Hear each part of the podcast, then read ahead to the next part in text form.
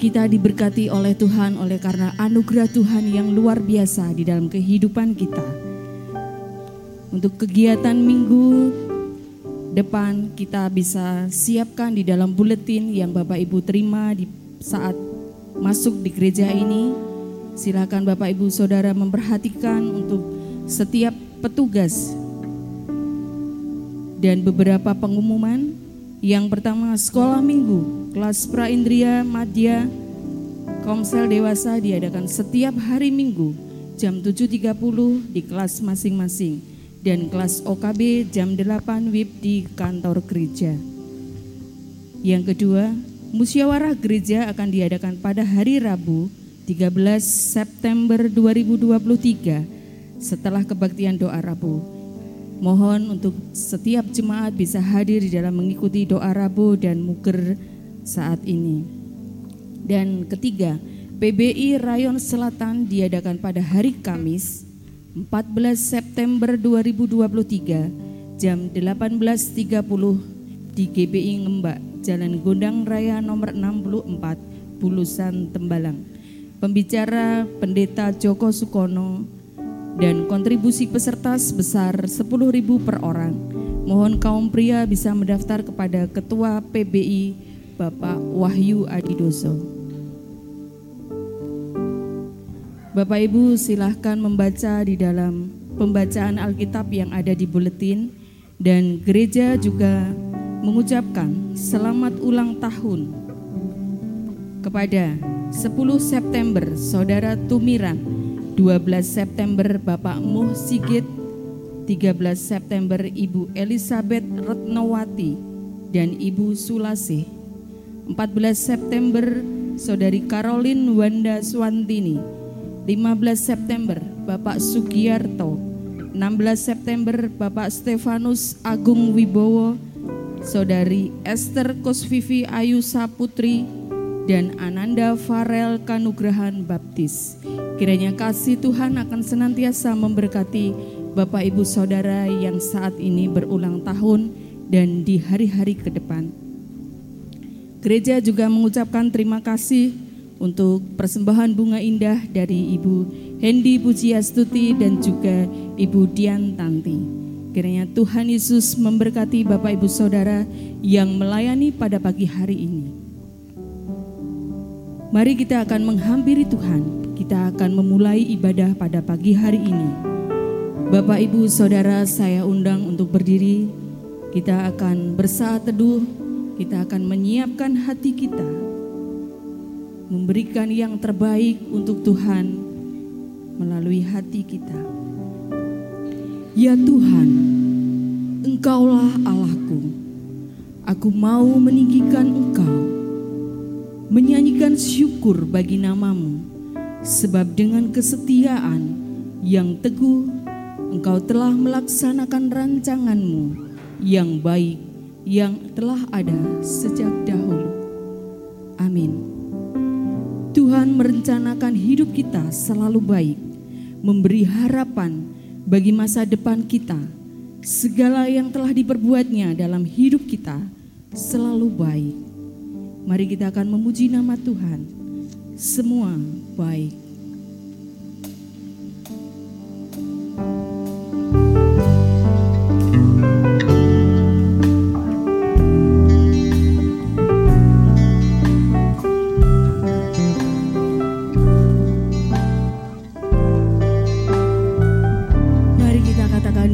Semula. Dari semula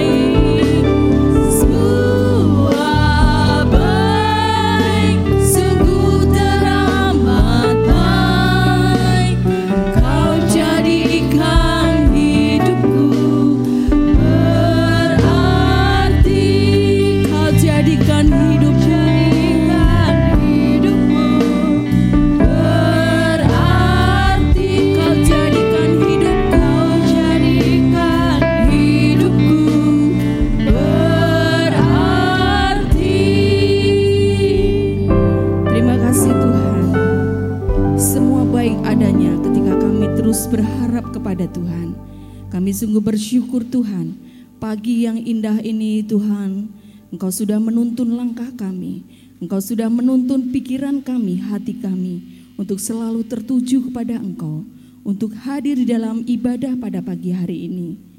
Biarlah kami boleh mempersiapkan hati pikiran kami Tuhan, hanya untuk kemuliaan nama Tuhan. Berkati setiap jemaat yang hadir pada saat ini Tuhan. Biarlah mereka ketika datang membawa beban. Ketika mereka mendengar firman Tuhan, ketika mereka memuji nama Tuhan, berdoa kepada Tuhan, mereka akan dilegakan oleh Tuhan. Dan biarlah kami semua Tuhan terus bergantung kepada Tuhan. Kami bersyukur Tuhan untuk kesehatan yang luar biasa Tuhan berikan kepada kami. Biarlah melalui hidup kami Tuhan, melalui tubuh kami, kami serahkan kepada Engkau. Terima kasih Tuhan untuk pelayanan kami pada pagi hari ini. Semua yang ambil bagian di dalam ibadah pagi hari ini Tuhan. Kami bersyukur Tuhan, biarlah ini hanya untuk hormat dan kemuliaan-Mu. Berkati hambamu yang akan menyampaikan firman Tuhan. Urapi Tuhan sehingga firman Tuhan ini boleh menjadi berkat bagi kami semua dan bagi orang-orang yang mendengar streaming di ibadah pagi hari ini. Terima kasih Tuhan. Ampuni segala dosa dan perbuatan kami. Jika kami melukai hati Tuhan, melukai hati sesama kami, baik yang kami sengaja maupun tidak kami sengaja Tuhan. Biarlah Tuhan akan menguduskan, menyucikan, sehingga kami layak di hadapan-Mu, memuji dan menyembah Engkau. Terima kasih Tuhan. Inilah doa permohonan kami Tuhan. Hanya di dalam namamu kami mengucap syukur dan berdoa. Amin. Kita akan tetap berdiri, kita akan memuji nama Tuhan. Nyanyian tema kita, Kuserahkan pada Tuhan. Nyanyian pujian 230.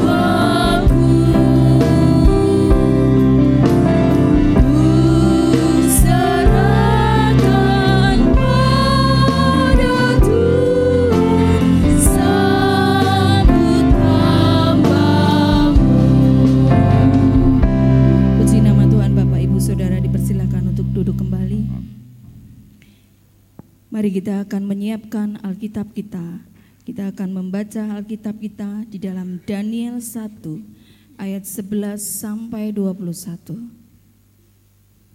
Saya akan membaca di ayat ke-11 dan 12, ayat 13 sampai 21 akan dibantu oleh singer. Daniel 1 ayat 11 sampai 21.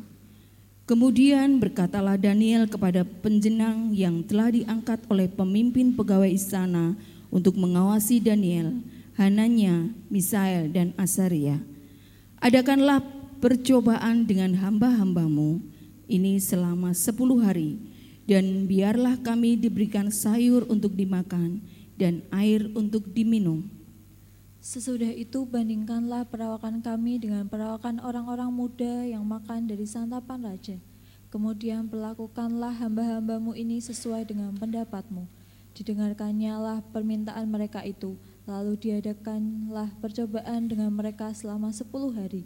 Setelah lewat sepuluh hari, ternyata perawakan mereka lebih baik dan mereka kelihatan lebih gemuk daripada semua orang muda yang telah makan dari santapan raja.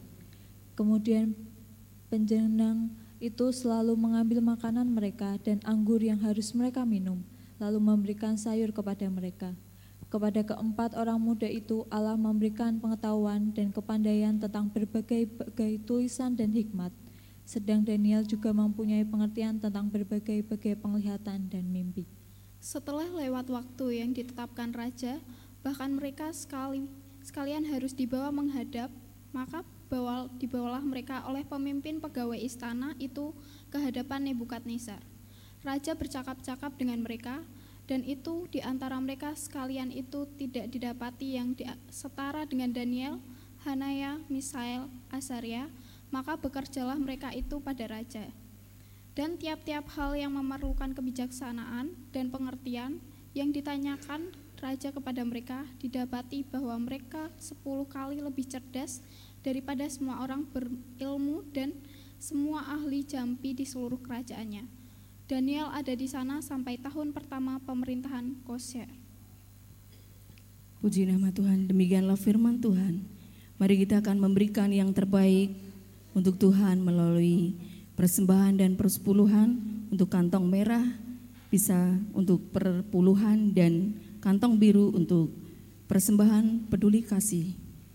Tetapi sebelumnya mari kita akan memuji nama Tuhan. 297 jiwa raga kubaktikan. Kita akan memuji ayat 1, 2, 4, dan 5.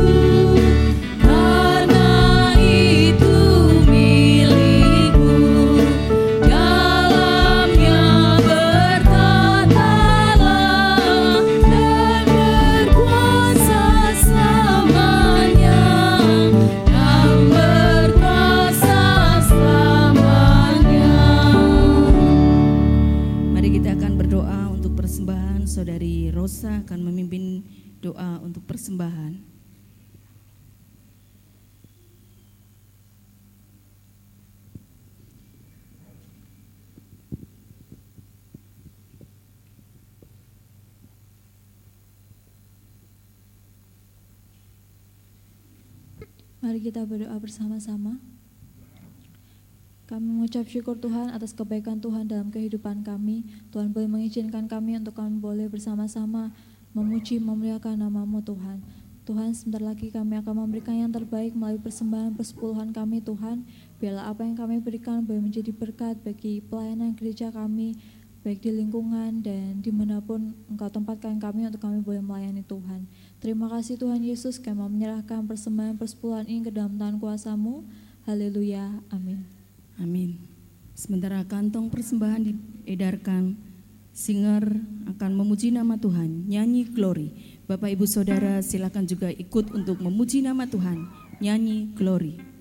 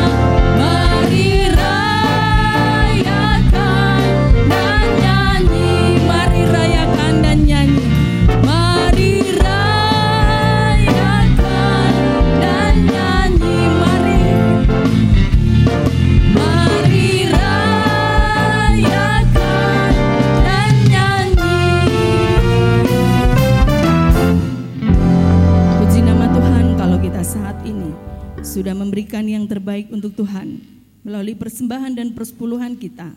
Tiba saatnya kita akan memberikan hati kita melalui firman Tuhan yang akan disampaikan oleh Bapak Pendeta Eko Kurniadi. Mari kita akan memuji nama Tuhan, menyiapkan hati kita. Bapa, aku persembahkan tubuhku. Mari kita akan berdiri, kita menyiapkan hati kita. Kita pujikan, Bapa, aku persembahkan tubuhku. Bersyukur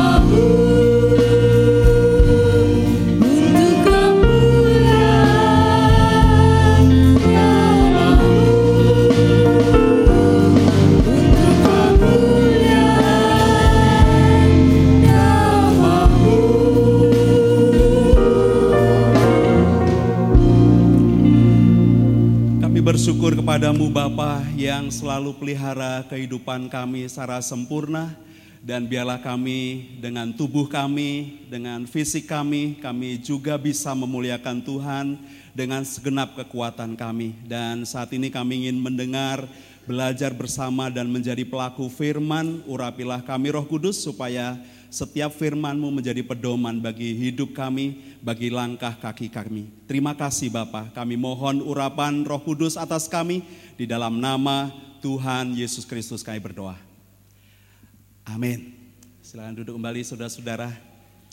Shalom, selamat pagi. Semua sukacita, sehat, lututnya baik. Kalau kecil ditanya, namanya siapa nak? Kemudian mereka jawab. Lalu kalau udah tambah besar sedikit, kelas berapa? Sekolah di mana? Gitu ya, betul ya. Itu pertanyaan template ya. Kemudian nanti kalau sudah remaja, kuliahnya di mana? Gitu kan? Ya, kuliahnya di mana? Jurusan apa? Lalu ditanya pacarnya berapa? Nah, udah mulai ditanya pacarnya kan? Sudah punya belum? Ya. Kemudian kalau sudah kelihatan udah gandengan, udah pacaran, kemudian ditanya lagi kapan nikah ya atau kapan nikahnya? Sudah kerja belum? Kok mikirin nikah? Wah, itu pertanyaannya. Nanti kalau udah sudah menikah, ditanya lagi, Saudara. Anaknya berapa? gitu ya, udah menikah, anaknya berapa? Kemudian uh, mereka sudah mungkin anak-anaknya sudah punya anak, punya cucu, ditanya cucunya berapa? Selalu begitu ya, pertanyaannya begitu. Nanti kalau sudah di atas 60 tahun ditanya gula darahnya berapa? Asam urate piro ya. LDL berapa? HDL berapa? LDR piro? enggak, enggak LDR yang yang muda-muda yang tahu LDR. Makanya yang tua-tua nggak ketawa. Kalau yang yang tua-tua LDL, HDL, gliserinnya berapa, ya tensinya berapa, ya mulai ditanya itu sudah sudah tidak ditanya yang lain-lain. Kalau udah 60 ke sana yang ditanya itu, sudah saudara. Nah, uh, saya memberi judul khotbah saya uh, apa ini kalau saudara baca apa saudara? apa? Ini agak angel ini juga. Ini memang singkatan. Nggak pernah ada judul khotbah kayak gini. Aku juga mikirin opo ya. Aku mau khotbah Triman. Oh Jawa ya, jadi Triman. Jadi Jawa. Tigaman ya boleh juga. Eman ya boleh juga. Makanan ya eman ya juga boleh. Ya, kalau agak luas sedikit, iman ya boleh juga. Ya kira-kira itu saudara. Saya mau khotbah tentang iman, tentang makanan, dan teman. Mari kita akan perhatikan saudara-saudara, kalau ada orang sedang diet, kira-kira saya mencari meme-nya begini. Uh, lagi diet nih, aku jangan diajak makan, kecuali makan batagor, nasgor, pecel, ayam, bakso, pangsit, sate, mendoan, nasduk, nasi padang, ketupat, eh, ketupat sayur, eh, sate padang, soto ayam, ketoprak, es kelapa, jus alpukat, martabak, bubur ayam, sabana, bebek goreng, dah itu aja. Ini jenis kabeh. ya, itu kabeh. Jadi kalau saudara baca ini itu ada makanan, ada teman, ya toh, ada makanan, ada teman, ada iman. Karena kemarin waktu saya tanya kalau sakit-sakit, misalnya Pak Eko ini kan punya asam urat ya, punya eh, potensi asam urat.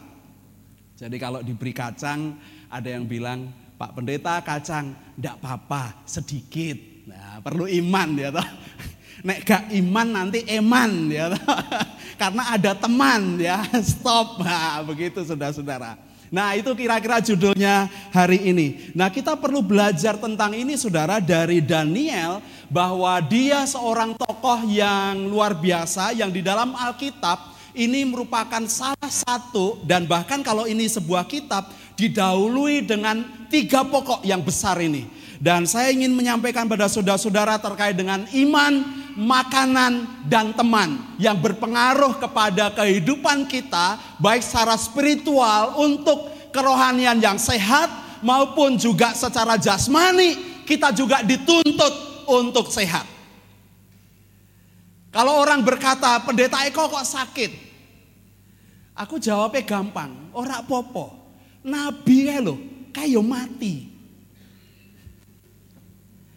Pendeta kok iso loro? Pendeta kok sakit? Lo nabi lo. Itu ya mati. Saudara-saudara masalahnya bukan antara sakit atau sehat, Bukan masalah tentang hal-hal itu, bukan masalah tentang miskin atau kaya, tetapi sebenarnya kita diminta oleh Tuhan dengan hikmat, saudara-saudara. Dia memberi kepada kita hikmat untuk mengelola kehidupan kita dengan baik. Mari kita akan perhatikan yang pertama yang Daniel beri teladan kepada kita, saudara, dalam kehidupannya. Yang pertama, dia memiliki iman yang aktif, saudara-saudara. Dia menjadikan iman menjadi pondasi kehidupannya. Dia bekerja, dia melayani, dia hidup, dia meletakkan pondasi tentang iman kepada Tuhan menjadi pondasi hidupnya yang luar biasa. Mari kita akan lihat saudara-saudara bagian yang sangat penting yang disampaikan di dalam pasal 1 ini ayat yang ke-8.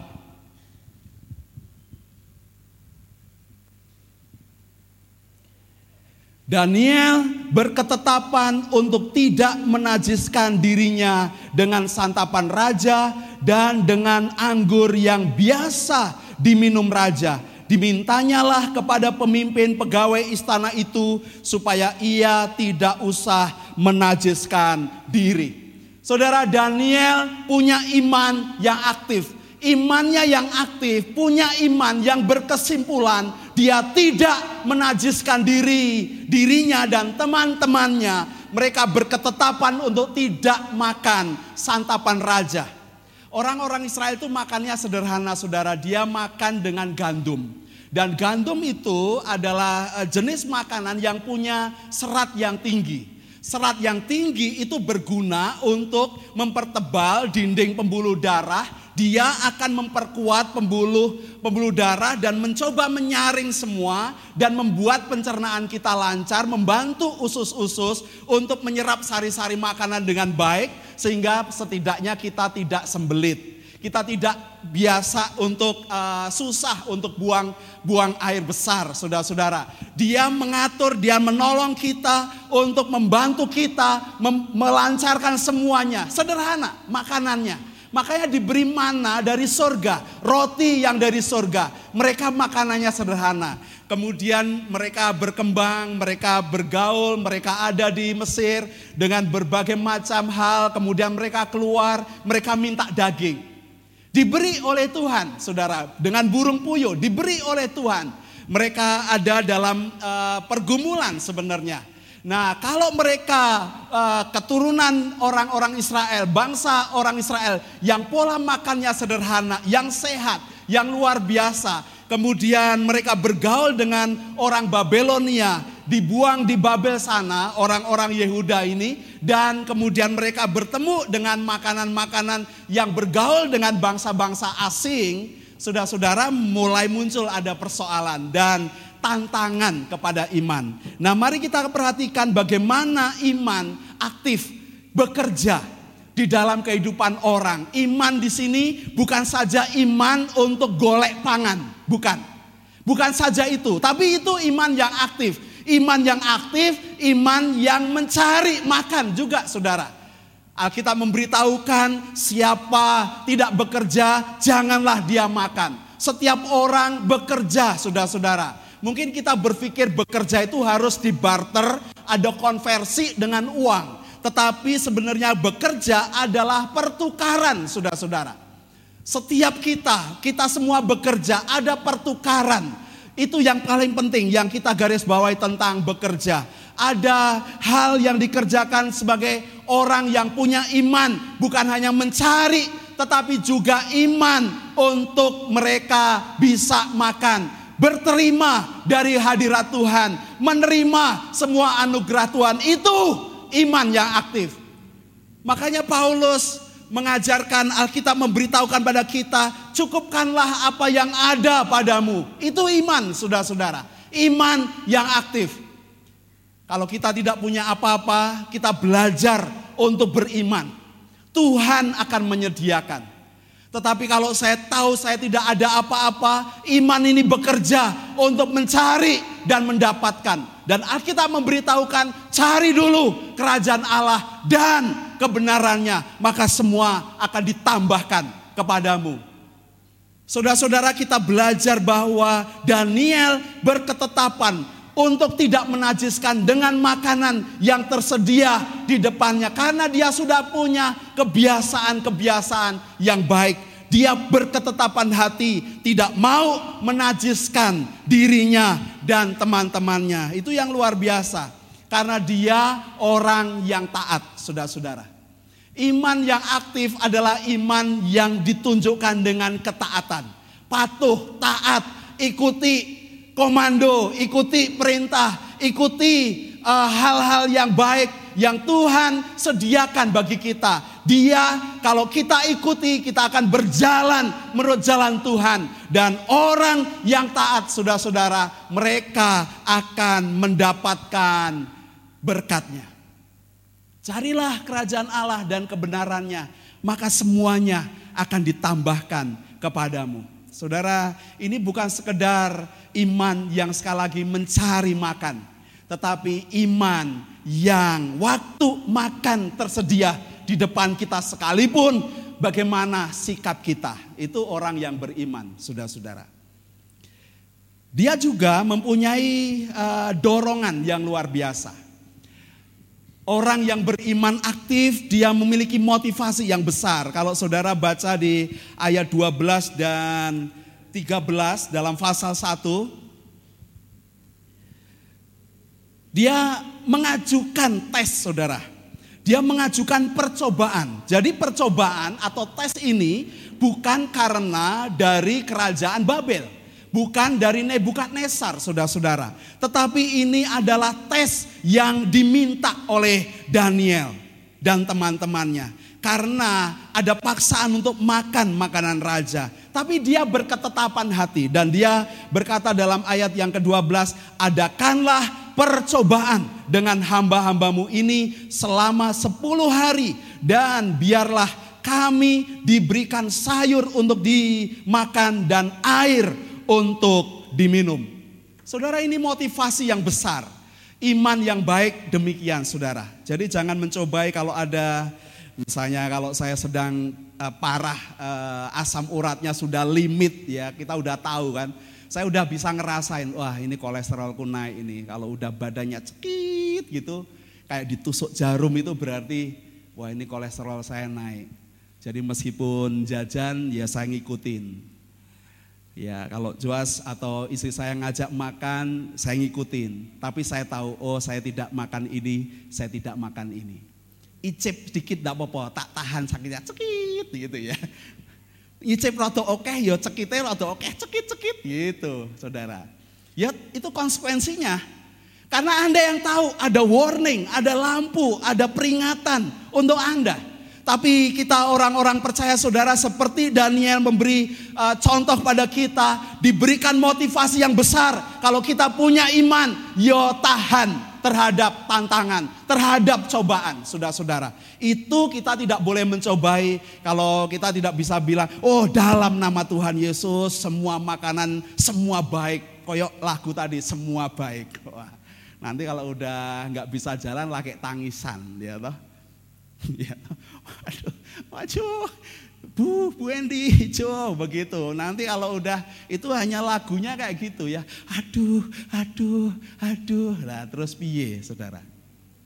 Ya, saudara kita harus memiliki motivasi yang besar seperti Daniel. Yang kedua, saudara-saudara, man yang kedua, makanan.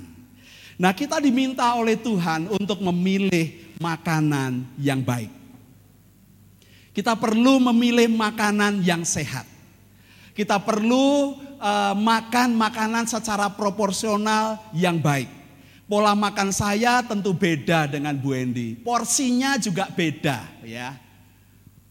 meskipun saya kerja kerasnya lebih sedikit daripada Bu Endi, Bu Endi lebih banyak kerja keras, makannya ya tetap sedikit. Saya meskipun tidak kerja keras, makannya ya tetap sedikit. Mangane sidik-sidik aku itu. Bener. Tanya Pak Junaidi yang sering makan sama saya. Nggih Pak Jun. Makannya sidik-sidik saya itu. ya. Kalau Bu Endi hanya sedikit, kalau saya sidik tok. Sudah-sudah kita perlu memilih makanan yang proporsional, yang jenisnya baik, yang kebutuhannya sesuai dengan kebutuhan kita. Ya, kalau kerjanya ndak banyak, yo ya jangan mangannya koyok manol ya. Wos, banyak pokoknya, makan yang banyak, yang sehat. Kapan meneh mangan? Wah, itu udah itu Alkitab bilang mumpung mak hari ini makanlah hari ini itu aliran stoa sudah-sudah ada di dalam Alkitab ya di 1 Korintus menyebutkan tentang itu. Wes mumpung hari ini makan sebanyak-banyaknya, anggaplah besok ndak ada makanan lagi. Wah, Saudara, tenan nek dintekke dino iki ndak ada makanan besok. Jadi kita perlu untuk memilih makanan yang baik, proporsional, sesuai dengan jenisnya, dengan asupan yang dibutuhkan oleh tubuh kita. Kita makan banyak, tidak ada persoalan saudara-saudara, tapi Anda juga kerja dengan berat, dengan banyak, dengan aktif. Ya saudara itu supaya imbang ya. E, kalau di misalnya di Hong Kong, setiap hari saya jalan 15 ribu langkah. Jadi ada teman yang selalu bawa uh, apa counter ya untuk ngitung dari setiap harinya. Kalau di sini enak keluar rumah naik motor, naik mobil, jalan dikit naik BRT. Gak enak BRT nunut kancane, ya ndak mau jalan kan. Mbah-mbah itu ya kalau anggota gereja kita dari Kalilangse jalan ke gereja ketoke rekoso tapi sehat. Ketoke rekoso tapi sehat. Lebih sehat timbangnya Pak Pendeta. Jalan. Yo, yo sak lumrahe Pak. Sewajarnya. Ya, betul saudara-saudara. Tapi kita minta berkaitan dengan makanan, Alkitab memberitahu supaya kita bisa memilih makanan dengan baik. Kita bekerja dengan baik makanan yang kita makan sesuai dengan apa yang kita keluarkan. Makanya kita harus membedakan. Yang saya membedakan ada dua saudara-saudara di dalam uh, pengalaman Daniel. Yang pertama adalah makanan-makanan yang pro kepada kesehatan dan makanan-makanan yang kita harus tahu yang kontra kesehatan. Saudara harus bisa membedakan itu. Alkitab memberitahu kepada kita bahwa Daniel tidak mau menajiskan dirinya dengan makanan-makanan raja dan minuman-minuman anggur raja. Padahal mereka juga minum anggur yang biasa, itu baik. Anggur yang biasa itu baik, tapi anggur yang biasa disajikan untuk raja ini yang bisa memabukkan kadar alkoholnya tinggi. Tapi kalau orang Israel itu bisa membuat wine yang tanpa alkohol, saudara-saudara. Dia luar biasa, dia bisa memerah apa namanya pemerasan air anggur dengan baik, dengan luar biasa. Sudah punya pengalaman dengan Dani, dengan Gedeon, Saudara kita punya pengalaman-pengalaman dan orang belajar gimana bisa membuat uh, wine yang 0%. Saudara itu yang diperlukan. Bahkan Paulus mengingatkan pada Timotius, kalau pencernaanmu terganggu, kamu jangan minum air biasa, tetapi kalau pencernaanmu sedang terganggu, tambahkan di dalam air itu air anggur. Berhubung pencernaanmu terganggu, di dalam satu Timotius menyebutkan tentang itu. Saudara, kita diberi tahu oleh Tuhan mana makanan-makanan yang kontra kepada kesehatan. Yang najis, yang tidak sehat, anggur yang memabukkan. Itu yang dijauhi oleh Daniel. Dan itu juga yang harus kita pilih saudara-saudara. Kita harus kontra kepada eh, makanan-makanan uh, yang kontra kesehatan. Kita harus melawan itu, kita menghindari itu. Jadi kalau sudah tidak cocok, ojon jarak. Kalau makanannya tidak cocok untuk Anda, tidak tepat untuk Anda, ojo jarak. Saya sudah belajar banyak kalau saya tidak bisa misalnya seafood, udang, banyak dan lain sebagainya. Tapi aku belajar satu, minumnya dua gelas. Ya, makan dua udang, harus minum lebih banyak. Tiga udang, wah bibirnya bisa merah merekah. Orang iso meneh, tidak bisa tahan. Udah cukup, udah puas. Harus begitu. Mencukupkan dengan apa yang ada. Kita udah tahu itu. Kita udah harus punya uh, apa barrier. Kita harus bangun dinding tebal. Kita buat gap untuk itu. Tapi kita juga harus pro kepada makanan-makanan yang pro kesehatan bagi kita. Yang kudus, yang didoakan makanannya. Iya perlu didoakan kan harus bahkan. Kalau makan didoakan, ojo karena lapar makan terus langsung diingatkan wis donga orang, wah burung dilepeh meneh. Lagi berdoa, ya jangan begitu ya. Dilihat sama orang juga nggak bagus kan. Jadi lebih baik ya doa. Kalau nggak usah merem ya melek nggak apa-apa. Yang penting diem sebentar berdoa batin, baru kemudian makan. Saudara-saudara belajar untuk pro kepada kesehatan makanan-makanan yang kita pilih.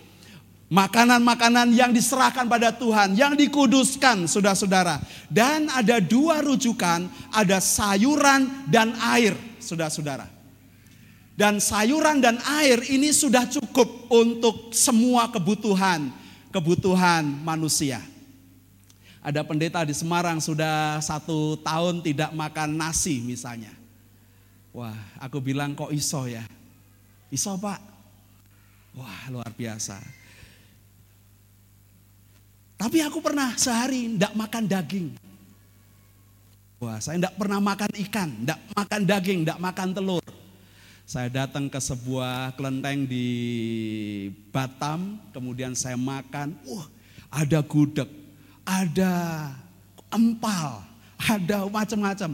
Ternyata semua vegetarian, saudara-saudara. Ada gudeg, ada empal, empal palsu, ada telur, telur palsu, ada semua ikan, ikan palsu, saudara. Semua dari jamur, dari semua tumbuh-tumbuhan, semua vegetarian, tapi itu palsu semua ya. Aku anggap wah ini empal palsu, tapi udah ngeliat kan kayak empal ya, wah enak ya. Itu rasanya ya kayak empal gitu ya, wah enak pokoknya. Tapi ternyata jamur, saudara-saudara. Saudara kita perlu membedakan makanan-makanan yang baik. Nah saya membuat daftar, uh, tapi saya tidak akan baca semua saudara-saudara ini untuk kebaktian yang ketiga. Tapi uh, satu yang baik saudara-saudara ada buku yang menuliskan Smart Living dari seorang uh, dokter yang sudah profesor uh, Hans Tandra. Dia uh, luar biasa, dia ini buku saya sudah dapetin sejak saya di kuliah, saya sudah belajar, saya mencoba untuk hidup dan tidak mudah ternyata. Godaan itu luar biasa. Makanya uh, bukunya udah kuning banget ya, lembarannya sudah kuning, sudah hampir sobek-sobek dan saya baru cari lagi. Oh iya ya, mengingat kembali apa yang perlu. Nah, kira-kira ini sudah saudara yang diperlukan. Nah, tapi saya ingin kita lihat uh, slide yang keduanya, Dek. Ya. Saudara-saudara bahwa kita semua eh, orang-orang uh, percaya diminta untuk misalnya makan sayur, makan uh, minum air putih dan itu cukup bagi kita dan memenuhi gizi kita dengan cukup.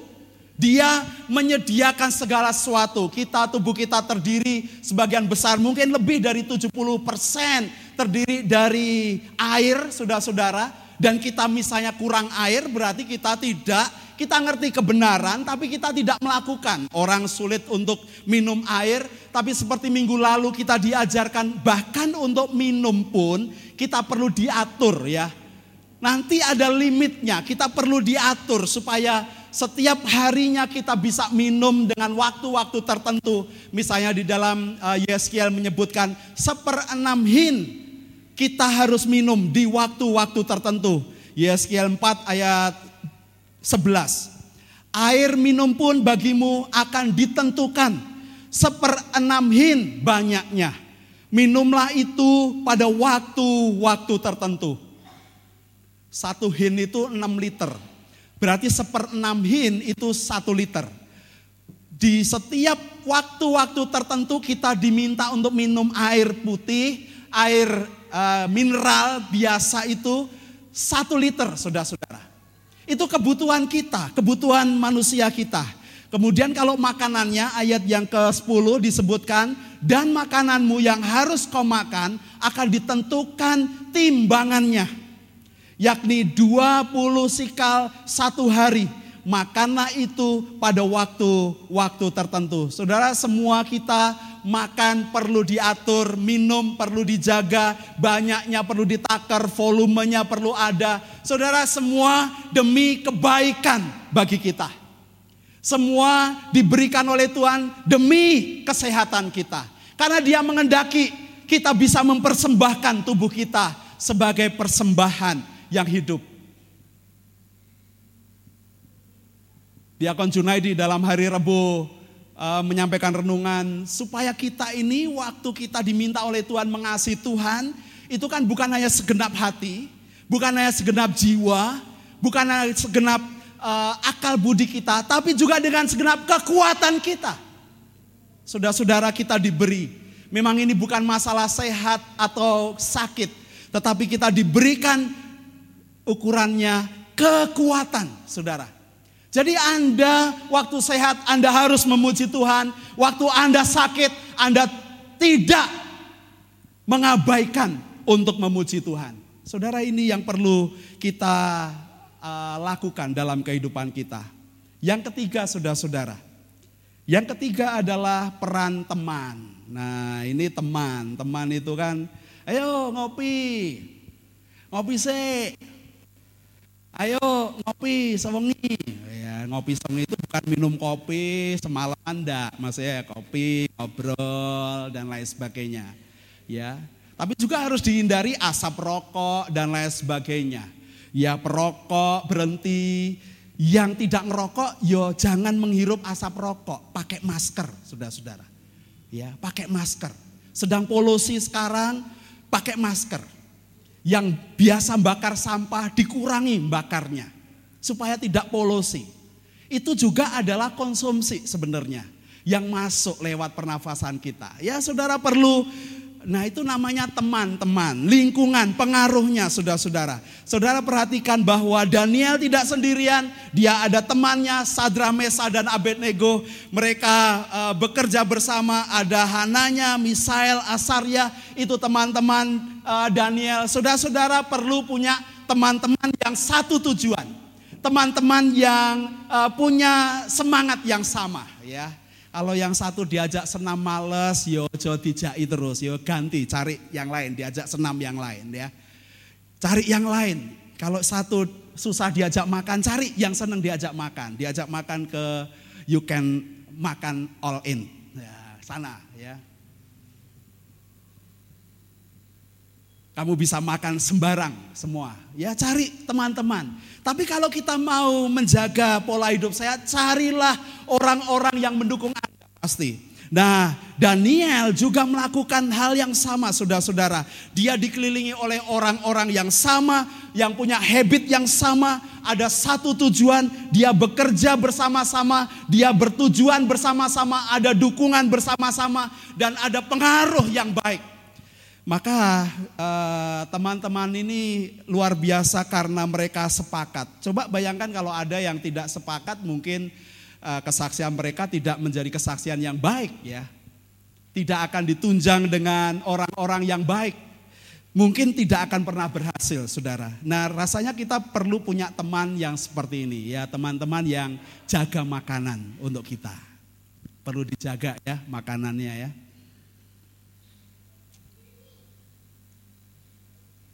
Si, nunggu slide-nya keluar dulu. Nah, maksudnya jaga makanan tuh bukan nih ide aku nih. Bukan begitu ya, wis. Mojo ditemek ya. Jangan disenggol ini punya saya. Tidak begitu. Jaga makanan ya pakai masker, saudara-saudara. Kalau Anda tidak tahan untuk makan ya pakai masker. Mulutnya pahit, itu angel mangan ya. Saya itu radang tenggorokan eh, sangat parah, nelen ludah sangat sakit. Permintaan saya sama Bu Endi, Bu Endi masak sing enak atau beli makanan yang enak. Nggak ngopo, sama-sama nelen ben makanannya sing enak. Jadi ya sama-sama sakit. Wong ludah ndak beli aja oh, ditelan tuh, waduh sakit sekali sampai nangis saya saudara-saudara. Wah saya nggak tahan saya. Wah obat ini ndak mempan, obat ini ndak mempan. Saya bilang udah beli makanan yang enak supaya nelen yo makanan yang enak. Meskipun tetesan air mata. Dengan tetesan air mata, benar sudah sudah. Wah, saya sangat berat. Saya Nah, Saudara kalau udah demikian perlu teman-teman yang menyokong. Perlu anggota keluarga yang membantu. Wah, cariin makanan yang enak, cari makanan dimakan yora ya enak, wong pahit mulutnya. Ya, sudah saudara kita perlu punya teman-teman yang mendukung saudara-saudara. Ya apalagi waktu kita sakit. Jangan mungkin harapan saya di sini orang-orang tua yang sedang sakit biarlah tidak kekurangan kasih dan sayang dari orang-orang muda di lingkungannya. Ya. Setiap anak-anak kita bisa membantu orang tuanya ojo nganti loro ibu saya dengar uh, saya sakit waktu mau datang ke sini karena saya harus jemput karena tahu saya sakit, dia ngebel dulu. Mau berangkat ya, mau naik kereta dia ngebel dulu. Gimana? Bisa jemput? Padahal saya sebenarnya tidak bisa jemput, saya bilang bisa. Tapi yo bisa mari itu, bisa sembuh ya. Katanya Bu Murwa itu obatnya udah datang ya. Oh enggak datang, oh, obatnya saya jemput. Oh. kita harus jemput, obatnya harus dijemput ya. Saudara-saudara kita bekerja, kita perlu teman-teman yang mendukung. Saya bersyukur banyak yang mendoakan kita, mendoakan Anda, setiap orang. Jangan mengabaikan orang-orang yang menyapa Anda, yang ramah pada Anda, yang baik pada Anda, yang ngabarke Anda, yang mendoakan Anda. Saudara-saudara, orang-orang tersebut adalah teman-teman yang satu tujuan supaya kita bisa memberi hidup kita yang baik yang kudus, yang berkenan pada Tuhan dan yang sempurna. Hasilnya saudara sebagai yang terakhir di ayat yang ke-20 disebutkan bahwa di bagian yang B ya. Daniel, Hananya, Misael, Asyarya, maka bekerjalah mereka itu pada raja ayat 20 dalam tiap-tiap hal yang memerlukan kebijakan, kebijaksanaan, pengertian yang ditanyakan raja kepada mereka didapatinya bahwa mereka sepuluh kali lebih cerdas daripada semua orang berilmu dan semua ahli jampi di seluruh kerajaannya. Wah, aku pengen juga mendapatkan hasil yang demikian. Setidaknya saudara, kita sehat. Amin. Siapa yang sedang sakit hari ini? Wah, sehat semua ya. Sopo sing rodok loro hari ini ya, rodok loro. Oh ya, orang enek sing rodok ya, semua sehat ya. Semua bersyukur ya. Biasa Pak, sehat sakit, tidak ada masalah. Benar, saudara-saudara. Kita bisa melayani Tuhan. Itu hasilnya, hasil yang ajaib, yang mengagumkan. Karena bukan kita yang diunggulkan, bukan kita yang diagungkan, tapi hanya Tuhan yang dimuliakan. Karena dia memberikan kepada kehidupan dan anugerah itu kita bisa jadi saya berharap saudara-saudara firman Tuhan bisa menolong kita selama sebulan ini untuk bisa memberi yang terbaik pada Tuhan. Bukan saja secara rohani kita baik saja, tapi juga membawa impactnya, ada dampaknya secara tubuh kita. Kita bisa hidup lebih sehat, kita bisa memperhatikan lingkungan kita juga lebih sehat. Kita berkontribusi untuk teman-teman kita juga supaya mereka akan bisa bersama dengan kita memberi yang terbaik kepada Tuhan. Amin. Mari kita berdoa.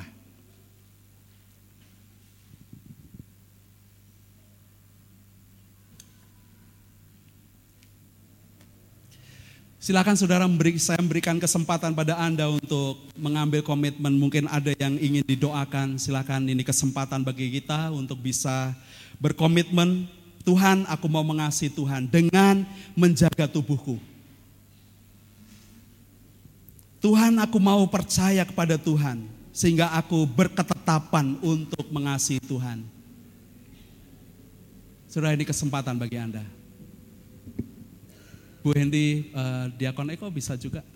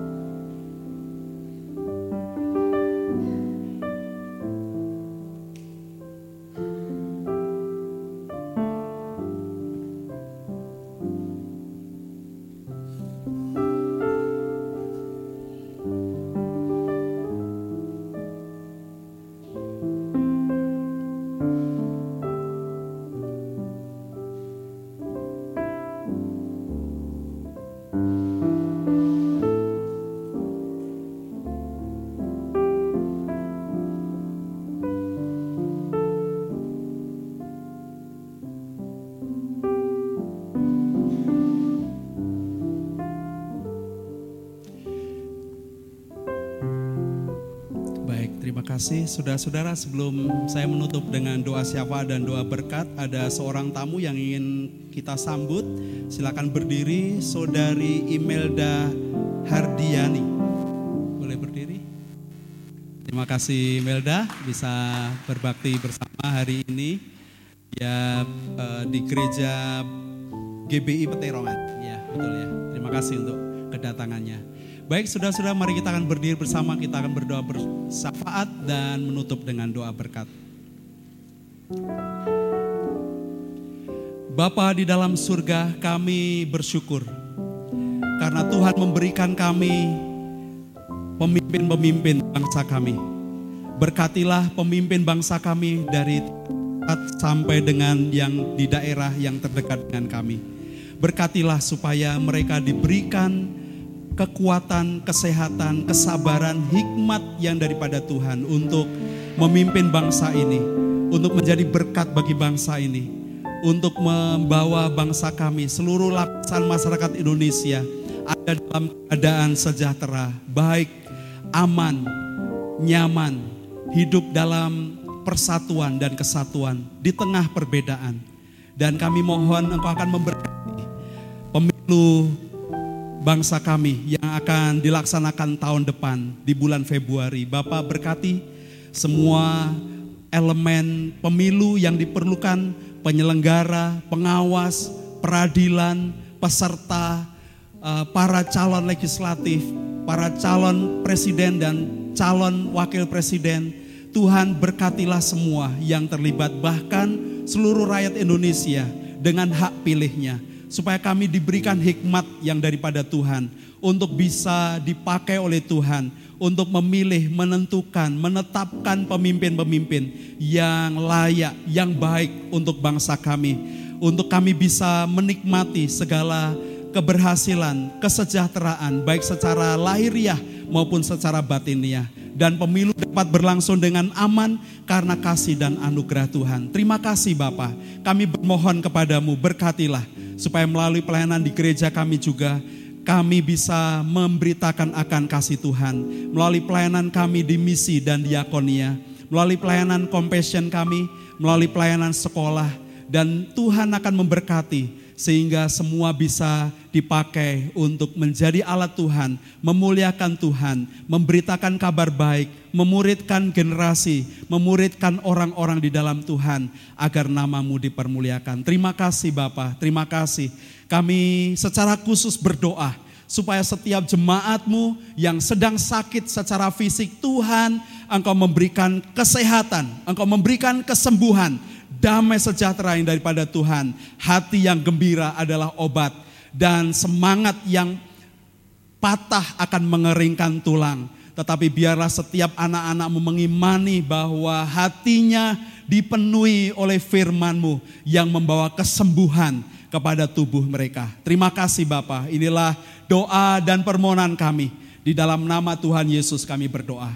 Jemaat Tuhan pulanglah, Bawalah berkat dan kasih sayang dari Bapa di dalam Tuhan Yesus Kristus dan Roh Kudus, dengarkanlah dia. Maka dia akan memberitahukan jalan-jalannya kepadamu sehingga engkau diberkati. Diberkati dengan kasih dan sukacita. Kebajikan dan kemurahan Tuhan akan mengikutimu ke mana pun engkau pergi. Engkau akan diberkati dengan kesehatan, perlindungan dari segala macam penyakit dan bahaya. Dia akan memberkatimu dengan anak-anak dan keturunanmu akan menjadi berkat bagi bangsa-bangsa. Dia akan memeliharakan kehidupanmu secara total dan melimpahkan rezeki dengan murah hati dan setiap tangan-tanganmu yang bekerja diberikan keterampilan, keberhasilan, dan keberuntungan. Dan saksikanlah pada orang lain apa yang sudah Bapamu perbuat dalam kehidupanmu sehingga orang melihat perbuatan Bapamu yang baik dan menyembah Bapamu yang di sorga. Terima kasih Tuhan Yesus, inilah ibadah kami, korban syukur dan puji-pujian kami naikkan untuk Engkau saja. Yesus Kristus, Kepala Gereja kami dari sekarang sampai selama-lamanya. Haleluya. Amin.